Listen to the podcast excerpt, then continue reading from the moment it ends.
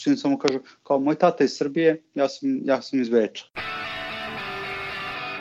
Beč je jedan jako nezgodan grad koji te razmazi kad živiš tu, jer ovde većinu stvari koje negde drugde sam moraš da misliš, ovde neko misli za tebe. Deca su jako velika pomoć pri integraciji zato što ono, bez njih možeš da budeš u svom nekom, u svom nekom balonu.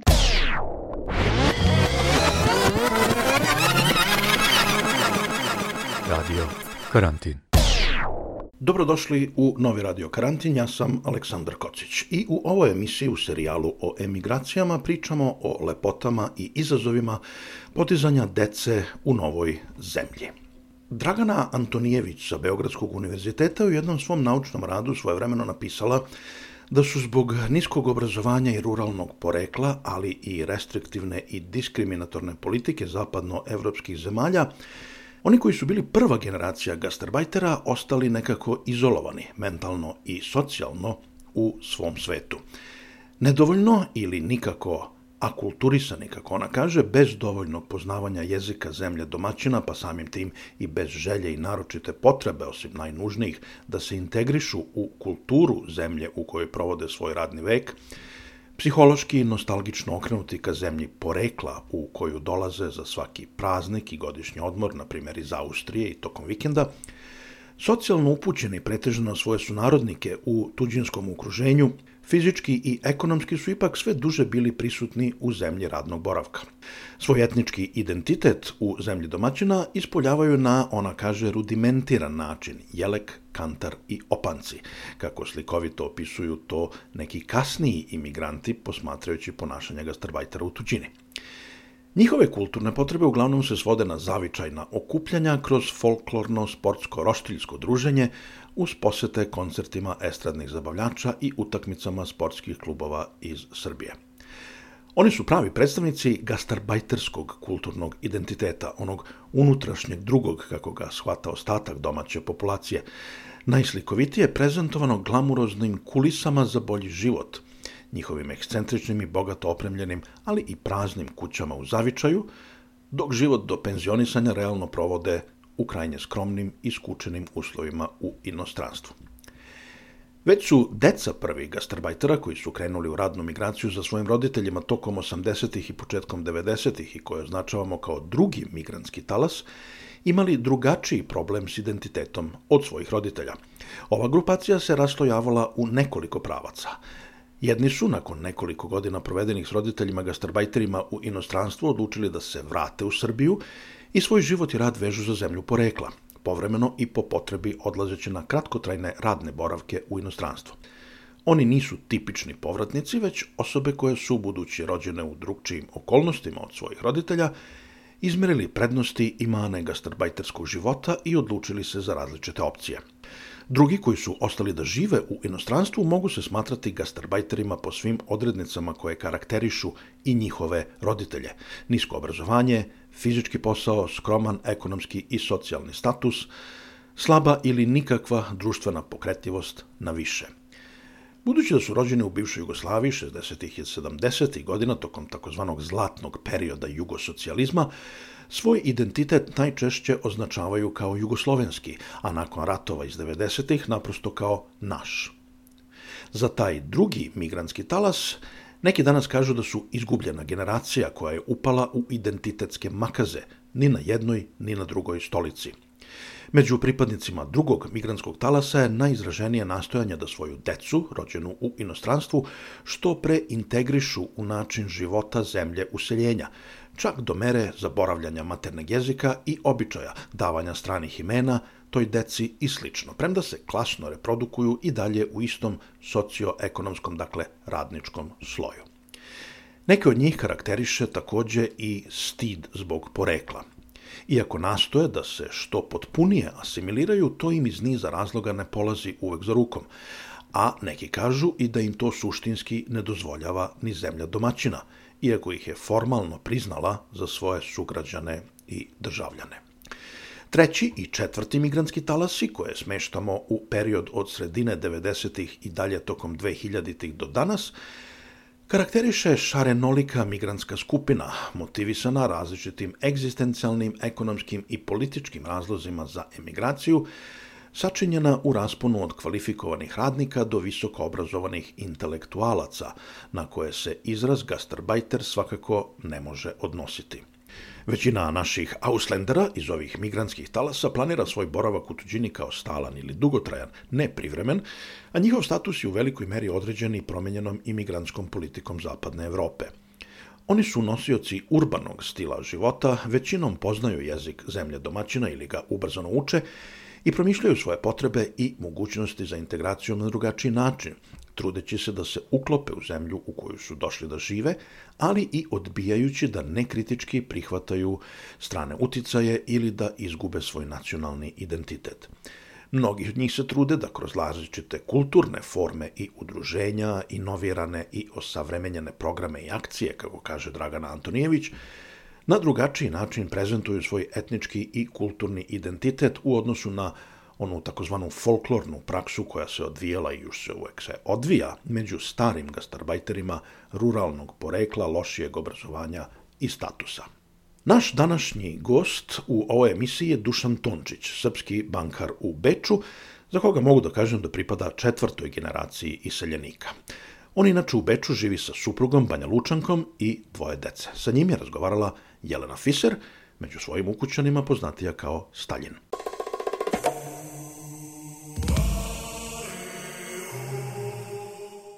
Ti i supruga dolazite iz one, jeli, bivše iste zemlje, a supruga iz Bosne, čini mi se kako si mi rekao. Da. Pa kako se odnosite oboje prema tom delu svojih identiteta i onda kako u okviru tih identiteta a, prenosite svoje iskustva deci? Onako kako osjećamo, jer niti sam ja nešto vezan za, za to tamo, niti ona za zemlju kao zemlju, za ljude da, ali nikad nisam imao neku vezu baš sa zemljom. Tako, mm -hmm. tako, da to, to, tako da to funkcioniše. Onako, pišemo kao, ok, to je tako, ali nama je to najnormalnije. Nama je to svakodnevica.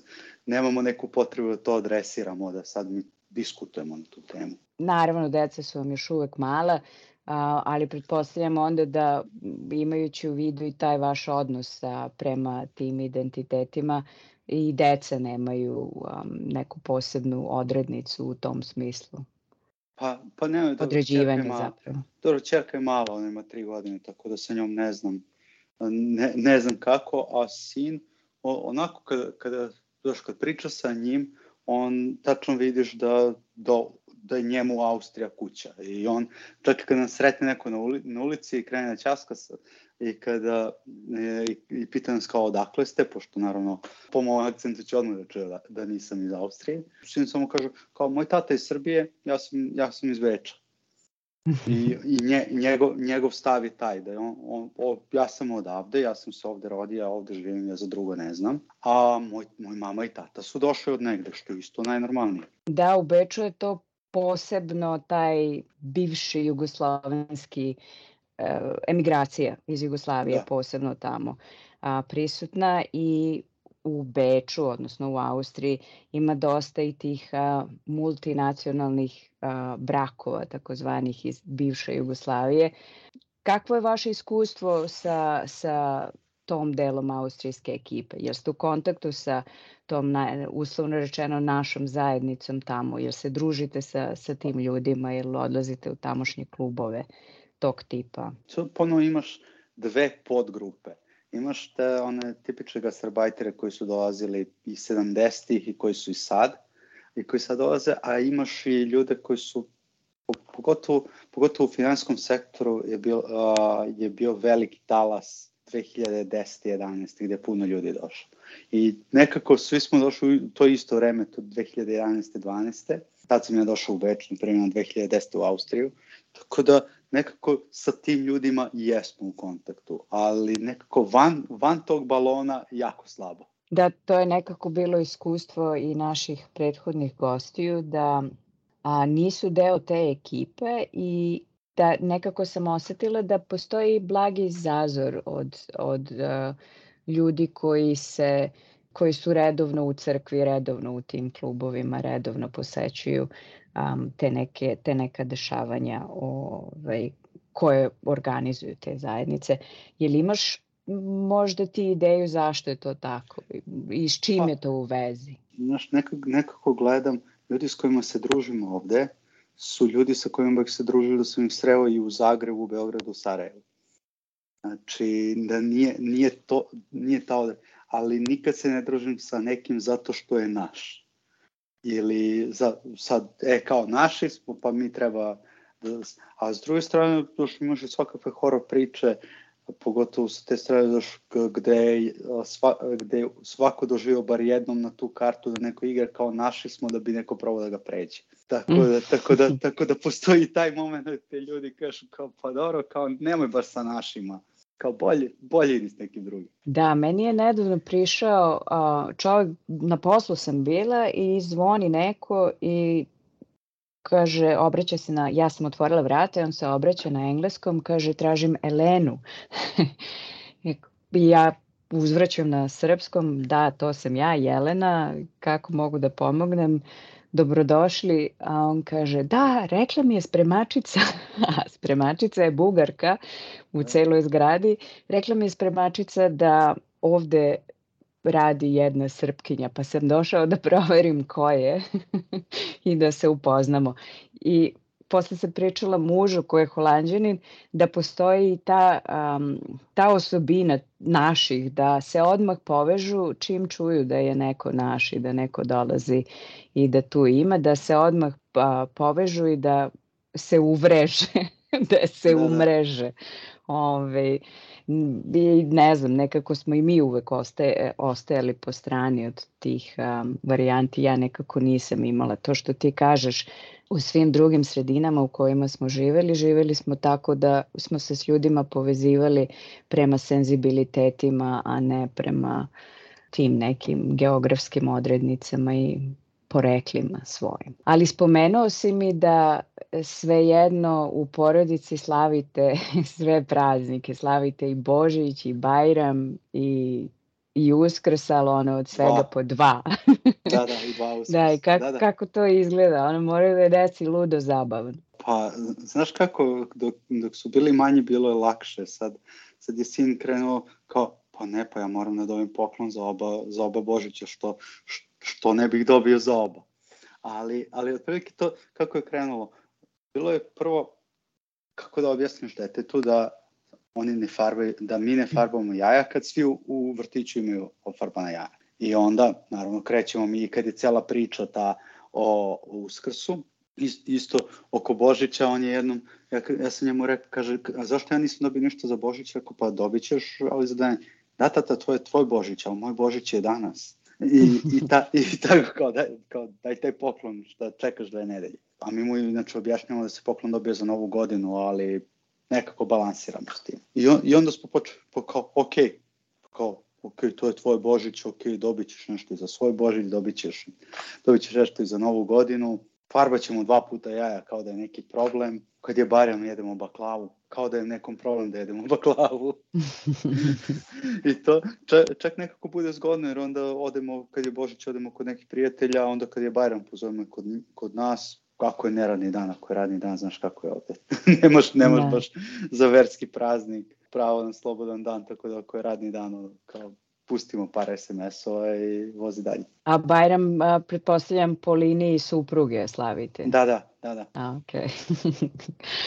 pa predivno je to. Kažite mi, a, sad u tom kontekstu, ok, a, držite se i vi očigledno a, van tog nacionalnog i ali svejedno nosite, pretpostavljam, na neki način u nekom obliku i u nekom manjem ili većem a, intenzitetu taj a, postjugoslovenski senzibilitet.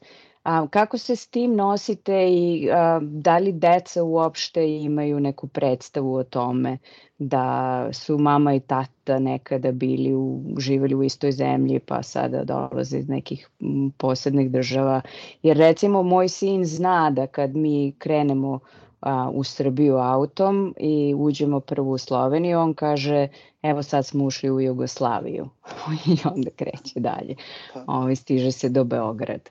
Ili kada je prvi put ušao u Če, Če, Češku, u Prag smo u, u, ulazili, on je rekao, kaže, ja vidi Prag izgleda isto kao Jugoslavija.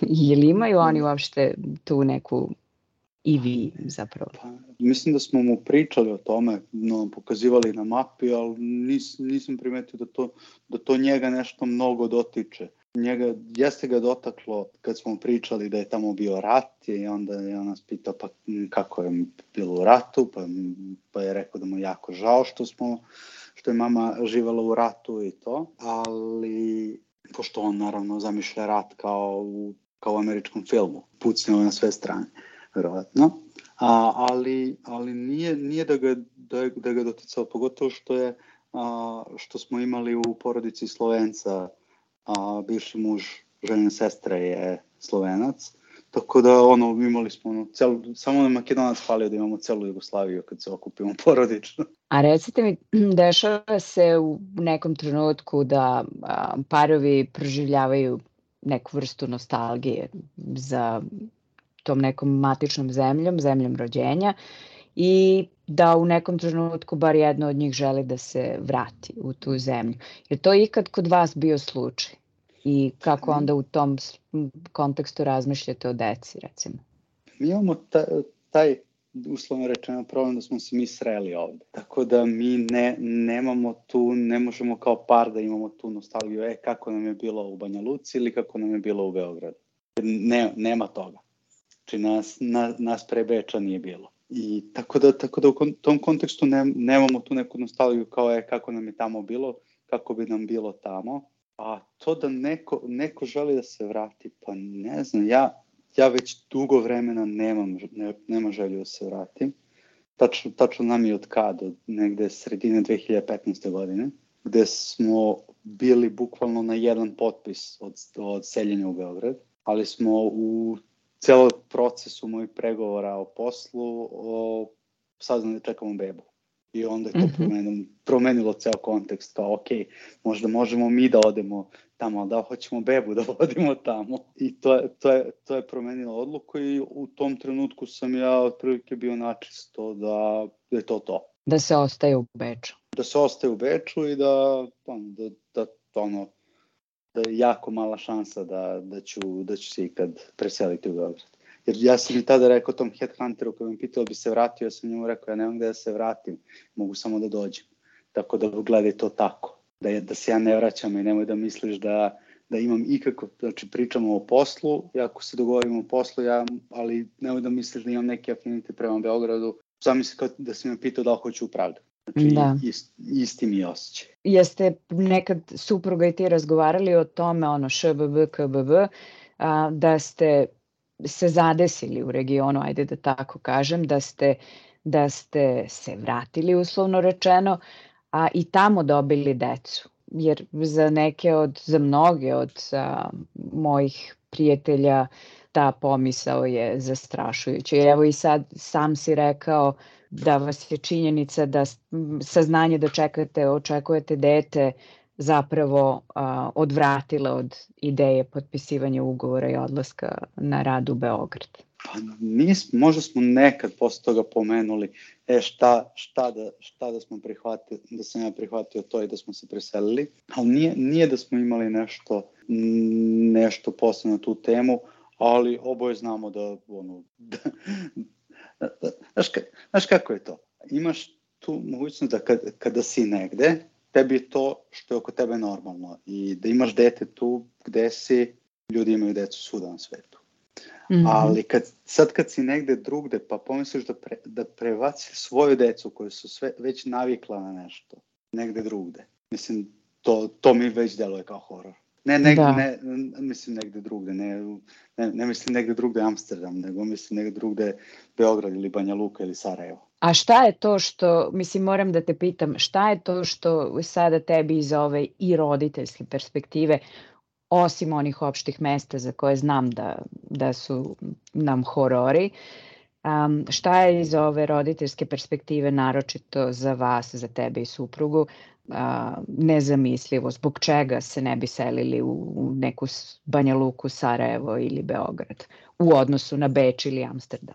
Pa, cela priča je ono šta, šta deca mogu da dobiju ovde i, i iz celog Mislim, ima, ima sve svoje pluse i minuse. Tamo bi imali babu, dedu, rođake, znaš, i, ta, i to. Ali s druge strane ovde kad, kad pogledaš, Beč je jedan jako nezgodan grad koji te razmazi kad živiš tu, jer ovde većinu stvari koje negde drugde sam moraš da misliš, ovde neko misli za tebe. Znači imaš od organizovanog prevoza do boravka u školi koji je sve samo ne skup, do vrtića koji su subvencionisani da, da bi me više koštao privatni vrtić u Beogradu nego u Beču. Mm -hmm. I, i sve to. A on, onda kad nastaviš dalje da ako ti treba doktor da ćeš ti dobiti ono, je, da imaš jednu od najvećih bolnica u, u, u, u Evropi, čak mislim da je sedma u svetu koja je u Beču i, i znaš, i, i, sve dalje. Onda, onda za dalje za studije, ne, ne znam, ne doći, doći klinci želeti da studiraju, ali ako budu želeli, njima je na, na Bečkom univerzitetu koji je top 120 na svetu i bori se da bude u top 100, a školarina 20 eura po semestru. Kao Znači, znaš, i, i onda kad, kad sve to staviš, gledaš samo nekom bi startnu poziciju povukao mnogo unazad, a da li bi dobio nešto, nešto za uzet. A s, dru, s druge strane to što njih oboje pričaju nema, nemački i naš podjednako dobro, to, to je i dalje jedan benefit koji ne bi imali da žive u Beogradu. Da, to su te pogodnosti. Um... Jer, jer ja kad sam odeo sina jednom na posao, on se šetao po open space-u i dolazi moja šefica i kaže, ovo dete kaže da je tvoje, koji jeste moje, ali on priča nemački sa bečkim akcentom. Rekao, pa znam, on je rođen u Beču. tako, da, mm. tako, tako da to, to je taj benefit koji oni imaju, onaj, onaj koji dobiju gratis, bukvalno, život ovde. Mom sinu je nemački bio prvi jezik, pošto je rođen u Berlinu, do našeg preseljenja u, u Holandiju. Nemački mu je bio prvi jezik, pa onda holandski i srpski, srpsko-hrvatski. Ove, to je a to je tek bilo posle na nekom drugom, trećem mestu, odnosno bilo između tog nemačkog i sledećeg jezika, takozvanog maternjeg i očevog, um, jedno sto mesta. Ove, evo sad je ovde u sistemu, pa sad je holandski potisnuo sve ostalo. Ali priča tri jezika i četvrti sada i uči još i francuski u školi. Tako da, da, to su te uh, pogodnosti života u inostranstvu, multilingvalnih sredina. Onda dalj, dalja pogodnost kod, kod, njega, kod njega u odeljenju, mislim da imaju minimum 6-7 sedam nacionalnosti. Znači decu sa 6-7 strana. Ja kod, kod, me, kod mene na poslu a, brojali smo skoro, ima, imali smo neko okupljenje pa smo morali da damo tu statistiku. A, od nas 110 ima nas 28 različitih pasoša. Znaš, i, i to, to, je, to je isto, isto jedno što nešto što ja ne, ne znam da li bih mogao da, da zamislim da sad uđem u kancelariju koji svi su isti, nebitno, nebitno koji su. da. Znaš, ne, nekako, nekako, nekako bi mi falilo to da imam kolegu s Guatemala pa pričamo, kad se vrati iz posete roditeljima, pričamo o tome, onda ki, drugu koleginicu kineskinju, kolegu italijana iz Trsta koji priča srpski.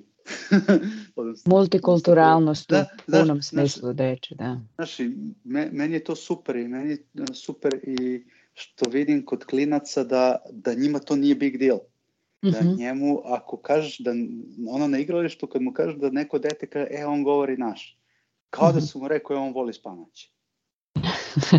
Znači, njemu je to druga najnebitnija stvar o nekoj osobi, da li ta osoba govori naš ili ne. I to je meni super. Znači, njemu, njemu je bitno da on hoće i neće on otići sa njim zato što govori naš. Kraj priče. Pomenuo si sad te neke pogodnosti tipa um, jeftini školski sistemi, školovanje jeftino, um, jeftini vrtići. Uh, u Berlinu je recimo posle treće godine vrtić besplatan plaća se samo u zavisnosti zapravo od vrtića, plaća se neka a, mala suma za kao taj ručak za hranu.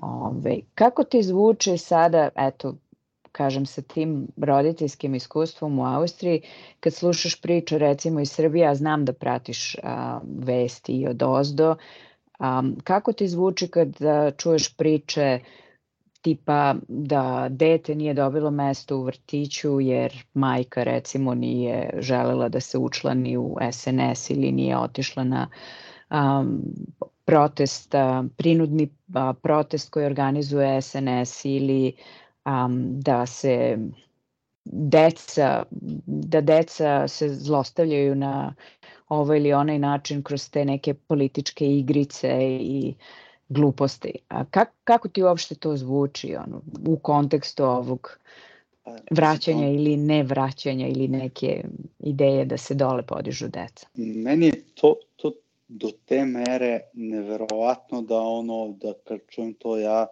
prva, pr, prvi impuls mi je da proverim da li je tačna informacija. ne, ali al naj, naj, najoz, najozbiljnije, mislim, to, to, to mi je prvi, sad ne znam, verovatno se dešava to je, to, to, to je jako, jako veliki problem u malim sredinama, ali to, sa malim sredinama svuda imaš probleme. Onda ti kažem, i ko pravo da živi kao stranac u nekom austrijskom selu, zavisi u kom selu bude, ali ne verujem da će mu svuda biti baš, baš fino. Zato što znaš, u malim sredinama vrlo lako dobiješ etiketu i vrlo lako budeš meta zbog nečega što ne moraš ni sam da budeš kriv. Tako da, tako da verujem da se dešava sad, ne, ne znam koliko se to stvarno dešava mnogo ili se desi ono, neki sporadični, sporadični slučaj koji se onda pominje dalje. Za ovo, za odloske na proteste, a ne znam šta ti kažem, znam, znam da moj, moji roditelji nikad nisu bili na liniji sa vlašću 90-ih, ali moj otac radio u Narodnoj banci, Srb, Narodnoj banci Jugoslavije i nije imao, nije imao problema u Miloševićevoj zemlji zbog toga što nije na liniji. Tako da mislim, mislim da su obe strane prihvatile neku igru i da, i da, i da, i da onda i, i da onda moraju da igraju. A reci mi kako je podizati decu u sredini koje je kulturno dosta različita od onih u kojima ste i ti i supruga odrastali? Ne znam, meni je super zato što meni se uh, mnogo, mnogo više sviđa o, ovde način kako uh, pristupa deci i kako se podižu deca nego to da se deci dosta dosta, dosta igra na samostalnost, da nije ono joj sine nemoj, nemoj na, na promaju, nem, nemoj napolje prehladit ćeš se i takve stvari, nego ono kao ok, ne, jel, jel, jel misliš da ti ne treba jakna? Ne, dobro, idi onda u vrtić bez jakne, jedan dan ode bez jakne sa kratkim rukavima, sutra oblači jaknu sam. To verovatno i u Holandiji prilično u, to, u tom smeru. Pa zavisi, mene u kuću zovu Stalin, tako da ako ja nisam tu, onda da, ode se u školu bez jakne. Ali, a, a, ti, a, a ako je Stalin, žena. A ako je Stalin tu, onda ta, ta linija otpora teško može da se prođe ako, ako je Stalin procenio da vremenske prilike nisu za bezjakne. Da, da, da, znači, ti si, ti, ti si kod tebe u kući moja žena. Tako je, pa verovatno, eto, ne znam, ali verujem ti. tako, tako da to, to, to je otprilike isto. To je, to je kao, ako, ako je mama rekla da je hladno, hladno je. Pa, pa da, Da, Holandjani se kupaju, oni, oni tu bude već neki, ne znam, recimo 21. maj, napolju je temperatura 18 stepeni dva dana za redom posle ono, zime. Ove, I onda se već tu razmatra odlazak na, na plažu i kupanje u jezeru. na što ja onako doživljavam redovno nervni slom i onda se to debatuje. Pa uglavnom ja dobijam te neke bitke tamo, čekajte ljudi do juna bar. Evo sad će jun, verujte mi. I onda obično koristim argumente tipa imaš važnu utakmicu sledećeg vikenda ili hoćeš da propustiš utakmicu zato što si za, ne znam, jedan trenutak. E, Tako da, da. A zamisli onda šoka, ponedeljak pada kiša, raspad. Znači, hladno duva vetar, pada kiša, sinu četiri popodne ima futbol tre, trening. Nema u grupi ne otkazuje, ima trenericu, da. a ne otkazuje trenerica to, idu tamo, kaže, pita žena kao, je li, je li imaju trening, sad imaš jednu Austrijanku, deluje da je i bivši futbaler, gleda ovako u nebo kao, jel vidite da grmi, jel vidite da seva? Ne, onda igramo. pa da, pa da. I on je igrao, nikad mu lepše nije bilo, bio sav mokar, sav smrznut i evo, ne znam kako, nije se razbolao da kućnemo drvo. Tako da deluje da nije do zime. Pa nije, mislim nije. Ja moram da kažem da, da sam ja prilično popustila u tom smislu, nisam ja sad kao evo pada kiša, meni je to sad već normalno. Ja znam da je njemu najlepše da igra futbol kad pada kiša, kaže mama tad je teren najlepši. Ove, I ko dobro, to ti verujem, ali znaš, neke granice se ne prelaze. Ono, ne možeš da ideš u šorcu, 11 stepeni napolju, ne možeš da ideš u šorcu. Ove, to kao zdravo. Jesi englez nisi? Da, da, da, nisi. Kao i holandjani imaju granice. A priča se u kući, rekao si mi da, da pričate i naš takozvani. Znam, malo pre si a, spomenuo da deca pričaju a, nemački sa bečkim akcentom, da im je to prvi jezik. Ali kako izgleda, kako zvuči tebi i suproti ovaj takozvani naš, kako njega pričaju? Pa, čerkica, ona je mala, ona, znači, te, a, tako da ona priča kao i, sva, i svaka beba, ono, tri godine, ali i ona, on, ona ume malo da promeša, a sin priča bez problema. Ponekad sam umeša jekavicu, ali on be, bez problema priča, bez, bez, bez ikakvog mešanja, ubacivanja nemačkih reči u jezik i tako stvari.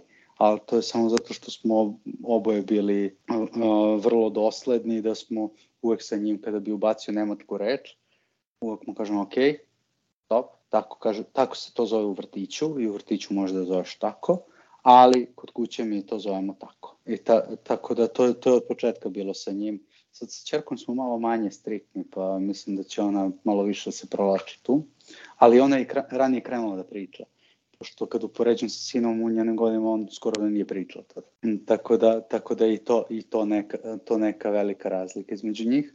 Kad je krenuo u školu prošle godine, tad je krenuo malo drugi problem da se javlja, zato što nekad mi krene da mi ispriča nešto, I onda kaže, ali ja ne znam kako to da ti kažem na naš. I ja mu onda kažem, ok, ka, reci mi na, na nemačkom, a ja ću ti onda reći kako se to kaže na našem, ali mi ispričaj celu priču, a ja ću celu priču da ti ispričam nazad, da, da, zato što u svaki jezik ima svoje finese i onda ako se prevodi jedan na jedan bude konstrukcija Bože daj. To tako radimo i ni, nema, nema ne, ne, nekih posebnih problema tu.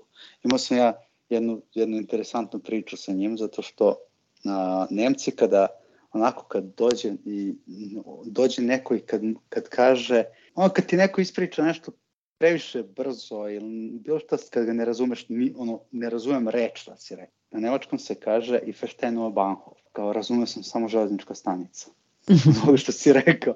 I jednom naletimo neku, ja sam pitao nešto smo tražili i na nekog austrijanca koji je tako brzo pričao i plus dija, jako, jak dijalekt. Mm -hmm. Jedno sam razumio što, što je htio da mi kaže, ali sam kaže, meni sin okreće prema meni, kaže, ja sam razumio samo železnička stanica. Kako, šta, kako, kako železnička stanica, što si razumeo? I on ovako vidi da ja nisam razumeo njega. Razumeo sam samo voz. Šta si razumeo samo voz? Da. I meni posle minutu, ako, ako šta o dete priča, kakav voz, nikakav voz ne li ni pomenuo. Da. Kaže, a, jel si hteo da kažeš i fešteno Bahnhof? A, kaže, da. Kaže, ma dobro, ali moram da ti kažem, baki nemoj tako da kažeš, nikad neće shvatiti što si hteo da kažeš. tako, tako da, da, da su to te, te, te simpatične anegdote. Šta je još to sve što uh, učite od dece u, u tom smislu integracije, kao sad pretpostavljam da postoji dosta stvari koje ti i supruga još uvek otkrivate u vezi sa austrijskim društvom i životom u Beču. A šta je to što učite kroz decu još? Mogu da ti kažem svašta, zato što kada oni krenu u vrtić, a pogotovo kad krenu u školu, tu krenu malo intenzivnija druženja i onda i onda vi, viđenja sa drugarima i onda drugari dođu ovde, tako da pa ti, pa ti on ispriča nešto šta, šta se tu radi, onda, onda u školi dosta je položeno to na neke, i u vrtiću su na neke običaje oko dana, šta znači, zašto se slavi to, zašto se slavi onaj fashion kad se, kad se svi maskiraju. Da. I onda on dođe po, po kao, di, hoće da diskutuje na tu temu i onda ti moraš da nađeš, onda te on pita da mu ispričaš malo više nego što je čuo u vrtiću. Ili može pita da mu ponoviš nešto iz vrtića. Tako da te, to, to su onako, onako jest, jest deca, deca su jako velika pomoć jer pri integraciji zato što ono, bez njih možeš da budeš u svom nekom u svom nekom balonu, da budeš na poslu, kući i da ni ne moraš ništa da, ni sa kim da se družiš ako nećeš. A sa decom odjednom nemaš baš toliko izbora. Pretpostavljam da odlazite tu i tamo dole u region. Je li ima stvari koje vučete nazad za, u Beč sa sobom, ono tipa plazma, kore za pitu, um, neki poseban sir, šta dovlačite za sebe, a šta dovlačite za decu i se ono peglate oko nekih stvari. E, naš prednost života u Beču, odnosno na Amsterdam je što, što svega toga ima u prodavnicama. A pa da, ja, da. znaš, znaš, znaš, tako da, tako da odeš, odeš u prodavnicu, možda, uh, ono što uvek, još uvek ne mogu da, da se dogovorim sam sa sobom da li je super ili uvredljivo, mm -hmm. a što imaš jedan raf u a, samoposluzi gde su samo proj, turski proizvodi, proizvodi sa Balkana i malo nekih iz, iz Istočne Azije. Tako da i tu je stavljeno sve. A jedin, jedini Ajvar Bakina tajno je uspio da se izbori da stoji tamo gde mu je mesto, a ne da stoji na tom rafu. Mm -hmm. Što je mhm. vrlo interesantno. Uh, plazma keks koji se ovde zove Lane, da. a, stoji, stoji na tom rafu i tu je, tu je Eurokrem, tako da, tako da ono, me pitaš jel nosimo nešto, pa ne. Mislim, jedan od razloga što u, u poslednje vreme, mislim, od, od pandemije idemo jako, jako redko a, u Srbiju i u Bosnu, možda odemo Ove godine sam bio u Srbiji samo kad sam imao ja neku proslavu, ali ovako ove godine nismo bili svi zajedno, verovatno ćemo ići do kraja godine jednom, bili smo u Bosni jednom. I to, i to je tako da, tako da ne možemo da zavisimo od, od donošenja stvari odatle. Radio Karantin. Bio je to Dušan Tončić u Beču. Gde god da ste našli naš podcast, ostavite nam ocenu ili komentar. Na taj način pomoći ćete i drugima da nas nađu. Bićemo vam veoma zahvalni ako možete da nam pomognete i donacijom. Link i informacije su na našem sajtu radiokarantin.eu. U narednim emisijama posvetit ćemo pažnju predstojećim izborima u Srbiji i odnosu dijaspore prema njima. Hvala vam što nas slušate. Pozdrav iz Glaskova.